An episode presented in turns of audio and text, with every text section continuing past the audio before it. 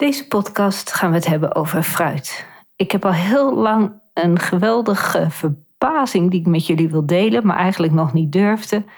Totdat ik vanochtend in de consumentengids iets las waarvan ik denk van ja, nu is het tijd om toch uh, mij uit te spreken. Ik doe dit heel spontaan. Ik heb er eigenlijk niet heel goed over nagedacht wat ik in deze podcast ga vertellen. Maar ik hoop je mee te nemen in mijn verbazing en daar kun je dan je eigen conclusies uit trekken. Welkom bij de Vegapot. Geen dode dieren op je bord. Mijn naam is Foekje en ik vertel je wat een leven lang vega eten mij heeft opgeleverd en gekost. Zodat jij lekker makkelijk en heerlijk gezond je eigen keuzes kunt maken. Je hoort waar je op moet letten als jij geen vlees of vis meer op tafel wilt zetten.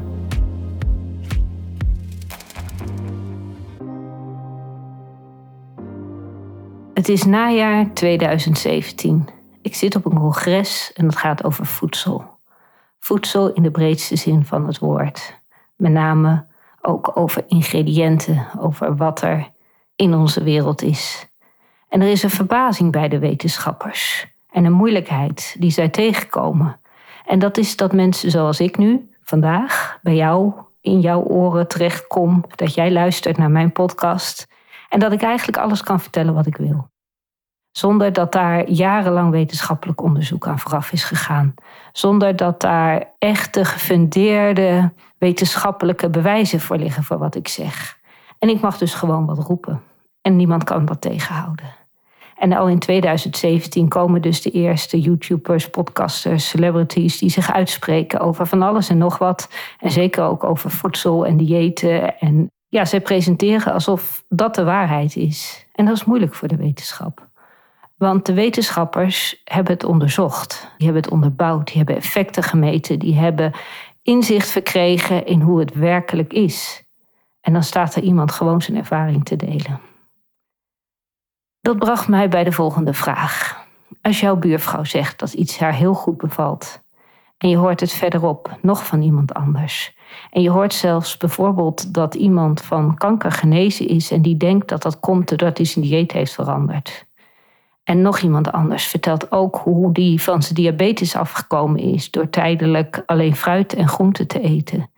En je hoort nog meer van die berichten. Ga jij dan je voedingspatroon aanpassen? Of wacht jij tot de wetenschap het bewezen heeft? En wanneer is dan dat kantelpunt? Dus het is best een hele lastige discussie. Maar die wetenschappers in dat congres waar ik zat, die gingen verder. En die vertelden dat er zoveel suikers in uh, vruchtensap zitten. En dat je die dus absoluut niet moest gaan drinken. Of als je die dronk, dat je er bewust van moest zijn dat er zoveel suikers in zitten. En het ging zelfs zo ver dat een Engelse wetenschapper vol overtuiging verkondigde dat een glas vers sinaasappelsap gelijk stond aan een glas suiker, uh, glas suiker, aan een glas cola.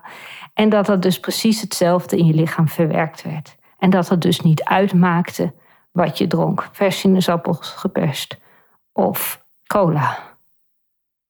En eigenlijk de hele zaal voelde je gewoon van, hè, hoe kan dit? Hoe, hoe, hoe, hoe kan dit zo waar zijn? En ik denk, ik moet het haar toch vragen. Want ze had ook verteld in de introductie dat ze twee kinderen had, twee jonge kinderen. Dus ik, ik stond op en ik zei, goh, um, is het dan zo dat jij net zo makkelijk s ochtends bij het ontbijt een glas cola aan je kinderen geeft als een glas vers sinaasappelsap? En is dat voor jou echt hetzelfde? En ze zei volmondig ja. Voor haar was dat hetzelfde. En ik denk bij mezelf, wat? En ik keek rechts en links van me en iedereen zat zo van, nou zeg. Ik bedoel, uh, common sense is toch dat daar toch andere voedingsstoffen of in combinatie met bijvoorbeeld een boterhamdieet of muesli of wat dan ook, dat het anders in je lijf is dan dat je een glas cola neemt. Een glas vers geperst fruit.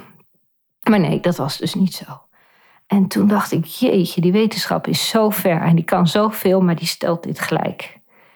En het frustreerde me gewoon. Dus ik ging aan mensen om me heen vragen: van, Goh, als jij nou eh, moest kiezen, hè, geef je ochtends een glas cola of een glas vers, uh, vers sinaasappelsap. Niet jus d'orange, is natuurlijk alweer verder bewerkt. En iedereen zei natuurlijk vers sinaasappelsap of een vers gepeste appel of een lekkere smoothie van bessen of van aardbeien of appelmoes gekookt. Ja, iedereen zag dat toch als, als je daar geen suiker verder in doet, als veel gezonder dan de suikers uit de cola. Maar goed, wie ben ik? En wie zijn de mensen om mij heen vergeleken tot de wetenschappers?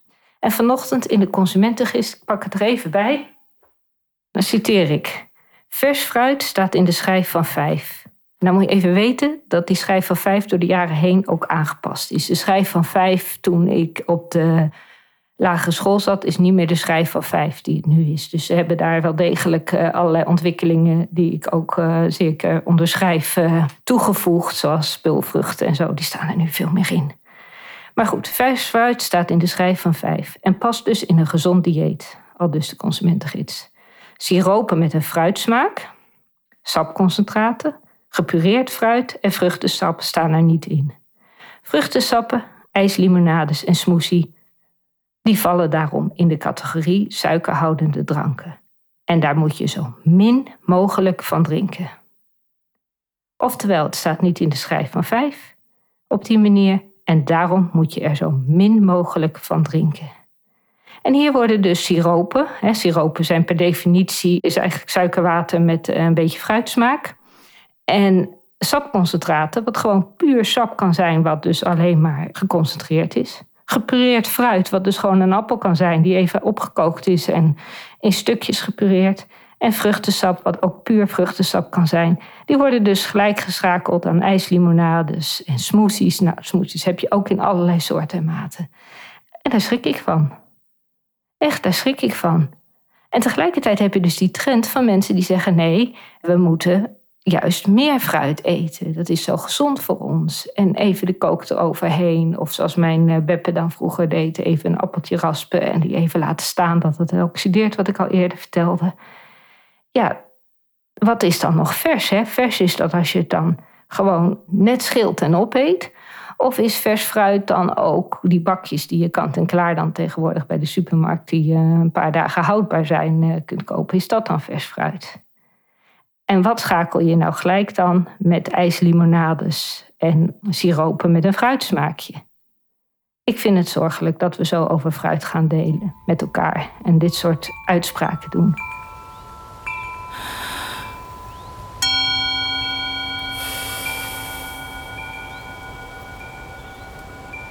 Nou wil het toeval dat ik ook heel recent iemand ontmoette die fruitariër is. Die eet dus echt alleen maar vers fruit.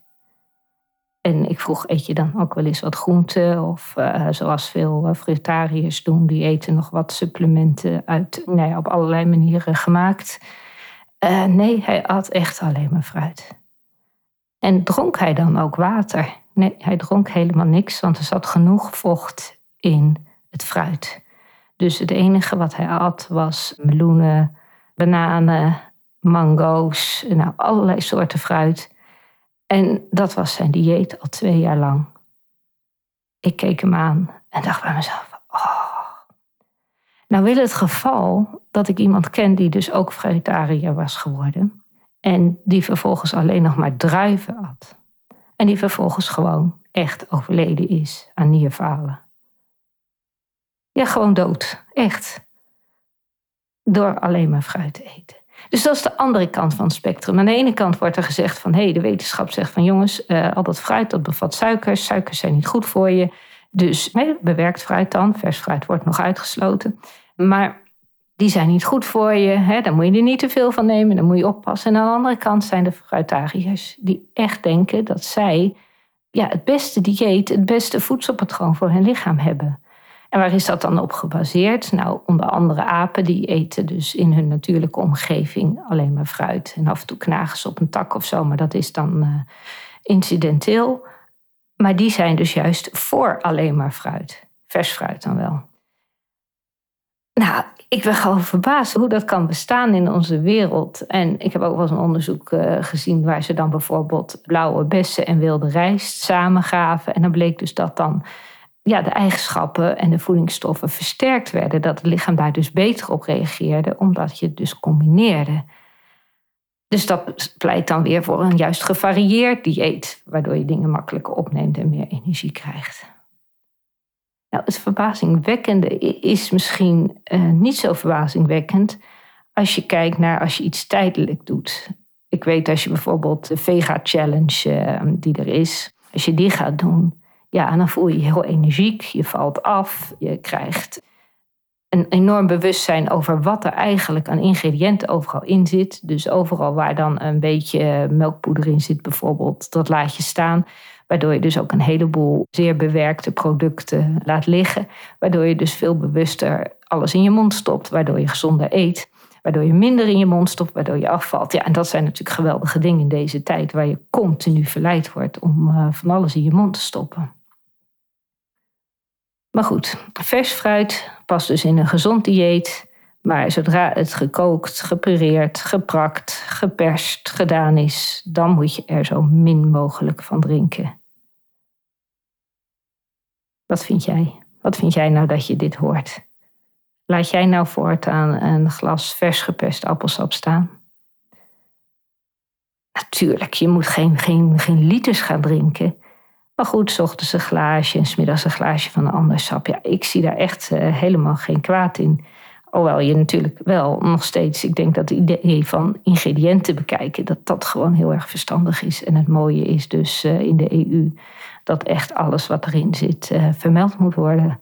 Dus ook al zit er maar een heel klein beetje hulpstof in. Ja, in Amerika en Canada komen ze daarmee weg en kunnen ze dat gewoon erin stoppen zonder dat ze dat declareren. Maar wij hier in Europa zetten gewoon alles erop. En dat is wel zo eerlijk en wel zo helder. En uh, dat is uh, ja, ook zuiver dat jij weet wat je binnenkrijgt als je iets eet.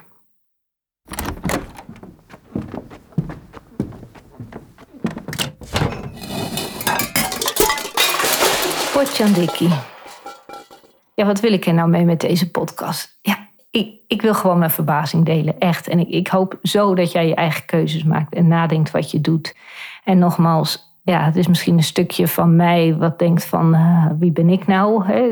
Van waarom roep jij nou?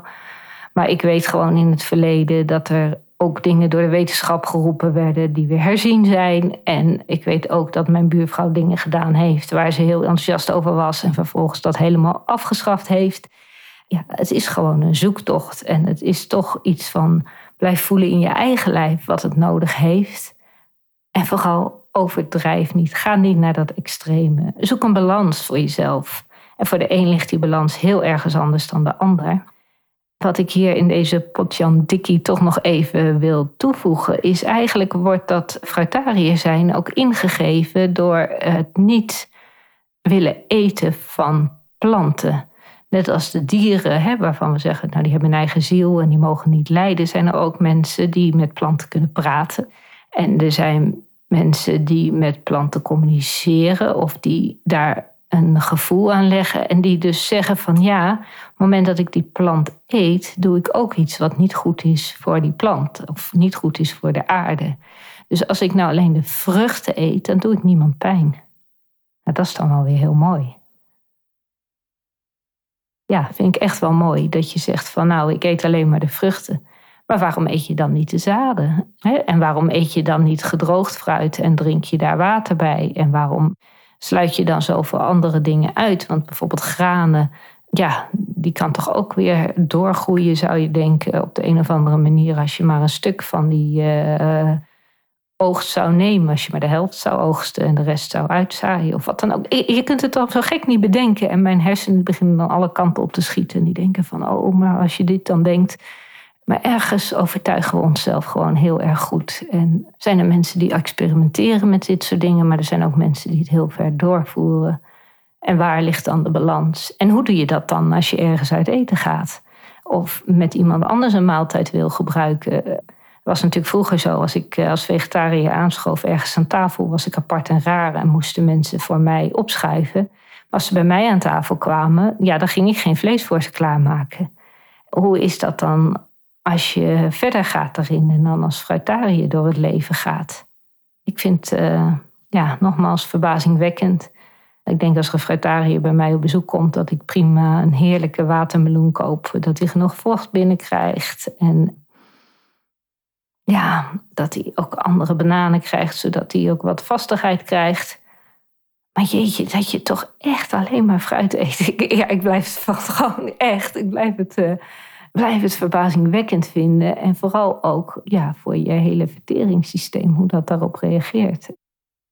Bewonderenswaardig dat je dus de natuur zo ziet als kwetsbaar ook. En dat jij dus daar alleen de vruchten plukt en die eet.